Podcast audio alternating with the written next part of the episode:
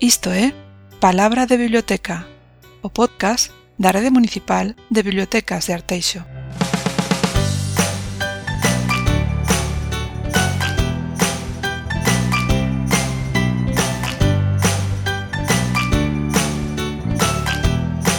Ola, este é o podcast da Rede Municipal de Bibliotecas de Arteixo, Palabra de Biblioteca, edición confinamento. Hoxe día 27 de abril, luns, e falando co bibliotecario, pois temos decidido seguir con este podcast alo menos ata que finalizo o confinamento. Logo xa veremos. Pensamos que a iniciativa é moi bonita e interesante como para continuar un pouquiño máis. Eu son Fidel Mouzo, axudante de bibliotecas na Rede Municipal de Arteixo. Vou comezar como sempre con unha interacción. Neste caso é Sandra García que comenta en Facebook o seguinte: Gran iniciativa para coñecer e dar a coñecer o traballo que se desenrola nas nosas bibliotecas, referéndose lóxicamente ás bibliotecas de Arteixo e a todas as demais que, que están pasando por aquí. Xenial. Moitas gracias Sandra por por esta interacción. Facebook e Twitter co usuario biparteixo, no blog palabradebiblioteca.wordpress.com e no correo electrónico biblioteca.arteixo.org para preguntas, apoios, comentarios, etc. Oxe e luns parece que todo máis, máis lixeiro e penso que xa é bon momento de pasar a nosa convidada. Oxe ben, a palabra de biblioteca? Bos días, Mónica, como estás? Hola, Fidel, bos días. Que tal? Eh, preséntate un pouquiño, dinos quen eres, desde onde nos falas. Moi ben, eu son Mónica, son a bibliotecaria municipal do Concello do Sabiñao, eh, que é un concello do interior de Lugo, eh, en plena Ribeira Sacra, un concello bastante extenso, pero con moi pouquiña poboación, inda que chegou a ter 12.000 habitantes nos anos 40-60, nos seus case 200 km cuadrados, hoxe pois non chegamos aos 4000. Estás dicindo que, que é unha biblioteca do, do Lugo interior, en plena Ribeira Sacra. Supoño que de todas as bibliotecas que atado agora pasaron por aquí, pode considerarse, de momento polo menos, o máis rural de todos os que falaron atado agora.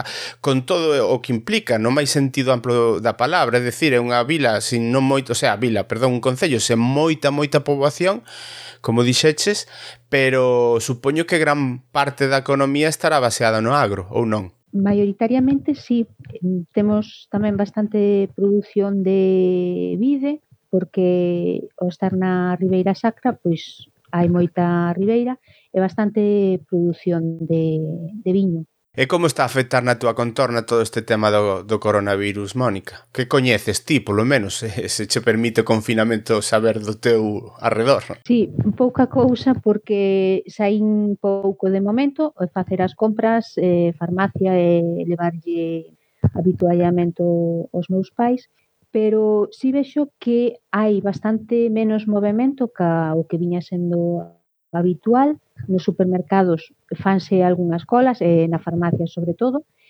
pero polo que me teñen comentado, por exemplo, no, no Concello, a xente está respetando que non se atende sen cita previa, hai algunha consulta, evidentemente, sempre fan falta algún certificado ou así que hai que facerse ou sí, pero a xente non está indo máis que ao necesario e a recoller as mascarillas que se reparten tamén no, no Concello. Pero polo resto, o resto do povo vese bastante tranquilo, pouco movimento incívico. Eh, está claro que ti se estás aquí é para falar co, co, co podcast da, da Biblioteca de Arteixo é por o teu traballo é por a, por, por a vida da, das bibliotecas.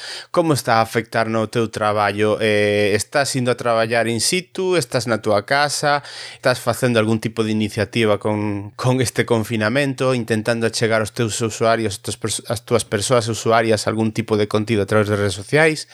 eh, eu creei mm, na primeira semana do confinamento un Twitter da biblioteca, porque me pareceu a, a maneira máis rápida de compartir con eles eh, iniciativas, ideas, propostas, tanto de actividades como para educación, para entreterse, ver cine, un montón de, de propostas que penso que moitas bibliotecas eh, tiramos por aí para seguir ofrecendo aos usuarios máis ou menos as mesmas cousas que, de, que tiñan na biblioteca.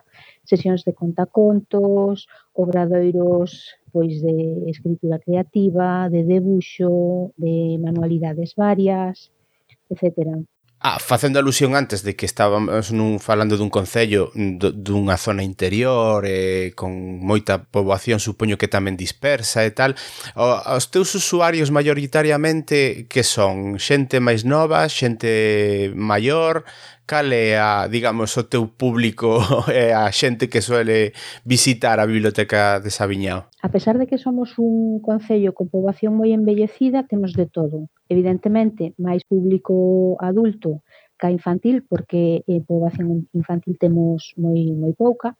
De feito no colexio da Vila de Escairón, que é a capitalidade do, do Concello, non chega aos 400 alumnos. Podo dicirche agora mesmo o número exacto, pero creo que tampouco chega aos, aos 300. Polo que evidentemente a maior parte da poboación é poboación adulta. Xa, eh, supoño que, bueno, xa me dis que moito non sais como para sabelo, pero estas imaxes que saliron onte de zonas máis urbanas onde estaban as parques e os paseos ateigados de, de rapazada, supoño que aí tamén terede, non teredes problemas para iso, quero decir que para sair a, a rúa e coller o millor algunha vía secundaria e darse un paseo longo aí non haberá problemas, vamos para nada. A parte, a vila de Escairón ten amplísimos espazos verdes, ten unha carballeira enorme, o campo da Lama que é un campo de fútbol que ten instalacións deportivas ao lado de multideporte, unha pista cuberta debaixo da cal poderían estar os nenos ao aire libre sen mollarse no caso de que chovera. Mm, hai bastantes sitios por donde andar cos pequenos sin que se aglomeren como vin algunhas imaxes de onte, que a verdade mm, impresiona despois de estar máis dun mes pensando hai que manter a distancia, non se poden relacionar cos demais. E de repente ves unha rúa chea de xente e impacta. De todas formas, teño a impresión de que, sendo certas moitas desas imaxes, lóxicamente non creo que haxa tanta mentira polas redes sociais, aínda que hai algunha, é certo que a, a, a grande maioría deste país cumpliu porque porque sí. O que pasa é que sempre fai máis ruido a, a parte que chama máis atención ou polo menos a que nos pode escandalizar máis. E, e a parte desto que nos estamos falando da, do, do traballo que, bueno, o público obxectivo que tes ti dentro da túa biblioteca, que tipo de iniciativas eh, estabas en, en, en nas que estabas metida víronse afectadas por esta situación ou algunhas nas que sí estabas, pero bueno, que poideches sa seguir sacando adiante. Digue, dime un poquinho traballos que tes que tes na túa biblioteca ou proxectos que nos que participabades. Sí, bueno, o que era a programación de actividades de contacontos e obradoiros eh, que facíamos na biblioteca, evidentemente viuse interrumpida porque non queda outra. De aquí en diante hai algunhas que xa estábamos facendo a distancia un grupo de persoas da comarca de Lemos, que se chama Lemos Le, que inclúe bibliotecas municipais e escolares dos concellos da Ribeira Sacra, o sea, da comarca de Lemos, perdón, e que traballamos sobre todo eh, sacando recomendacións lectoras no verán e no, no inverno principalmente, e despois traballábamos un tema que a verdade que é moi pouco estudiado en moitos sitios, como son as mulleres locais. Un proxecto que chamamos Mulleres de Lemos, que co que intentamos dar a coñecer figuras femeninas que foron relevantes nalgún eido da súa vida. Eh, vouche contar un pouco as seis que tivemos de, de momento, porque a metade delas eh, coñecías todo o mundo. Inés de Castro, que chegou a ser raíña de Portugal despois de morta, Mm, hai moitas vilas que teñen unha rúa que se chama Inés de Castro, que case ninguén sabe quen foi e como foi a súa vida. Outra é María Castaña, que non dixo en algunha ocasión os tempos de María Castaña isto ou outro. Sí.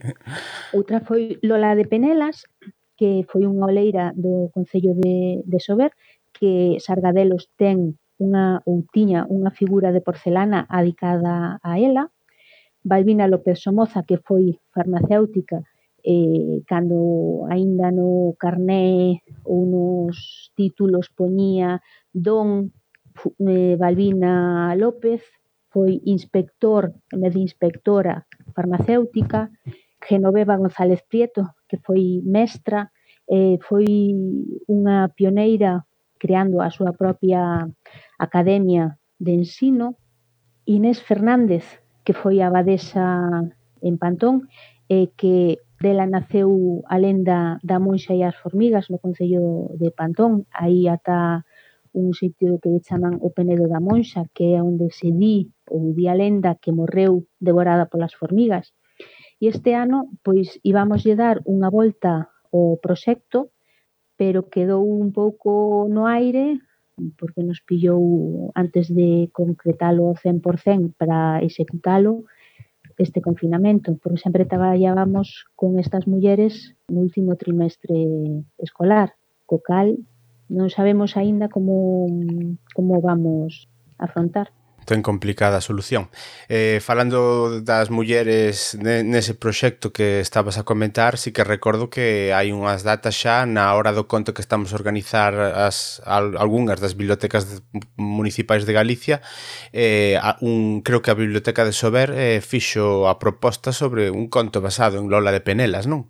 Efectivamente, eh, a Biblioteca de Sober está tamén no colectivo Lemosle, eh, e iniciou pois a difusión dos, dos contos. Eu tamén os estou publicando no meu Twitter para dalos a coñecer todos. De feito, eh, hai contos en papel destas mulleres que os editou o Centro de Información a, da Muller do Concello de Monforte e no que hai un conto que narra evidentemente para un público máis infantil eh, por encima a vida destas mulleres e as ilustracións dos contos traballanse nos centros escolares e nas bibliotecas e son os nenos, os alumnos dos centros escolares da comarca os que fan os debuxos que despois conforman o, o conto. Por iso é algo que sentimos moi noso, porque é algo moi participativo, que dá bastante traballo coordinar, e vamos, que dan uns contos preciosos.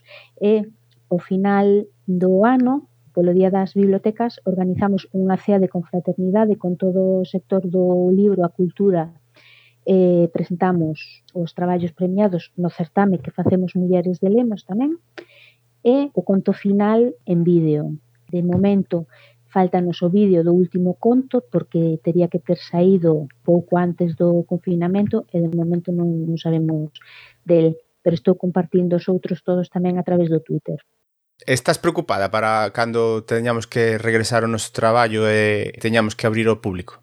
Me imagino que como a todos os bibliotecarios eh, un pouco preocupada sí, porque vamos ter que reorganizar espacios, reorganizar traballos, conseguir que a xente se sinta tranquila e segura volvendo a, ás bibliotecas xa estou visualizando como vou organizar nestes postos eh, pódense sentar personas, vou deixar estes sen utilizar, os ordenadores vou nos mover un pouco para as que estean máis separados, estou pensando como facilitar pois o tema de minimizar o risco de contagios pois, a través dos teclados, estou pensando se acaso envolvelos en film ou ter eh, guantes para que os usuarios os poñan cando cheguen eh, demais, non sei, penso que pouco a pouco, eh, en tanto teñamos unhas rutinas ou unhas directrices que nos faciliten desde algunha entidade que teña máis poder de investigación e, e resolución canos,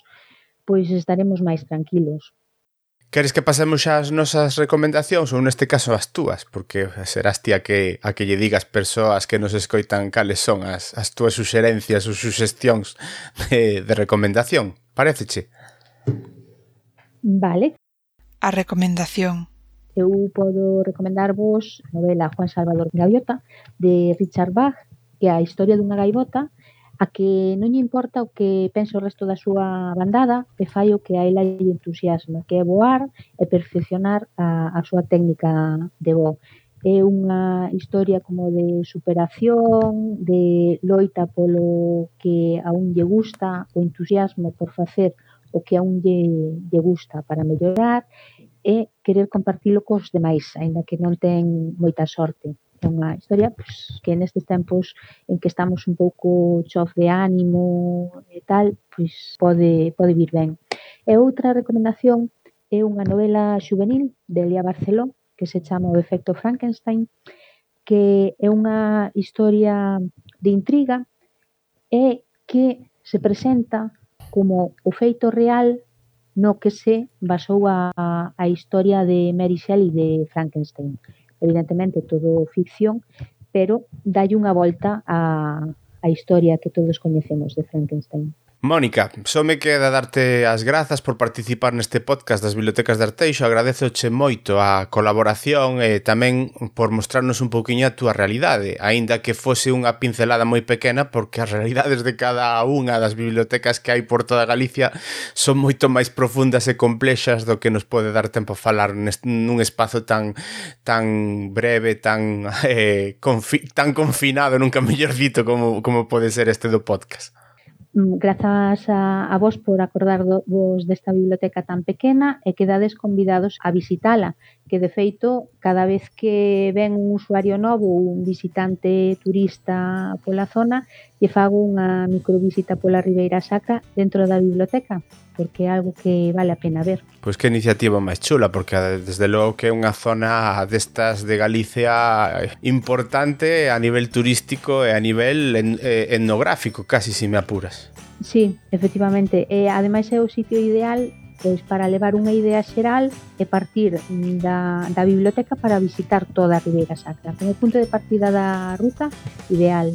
Bueno, pois moitas grazas Mónica eh, Grazas a todas as persoas que nos escoitan Mañá voltamos cunha visita bastante, bastante especial Escoitámonos Música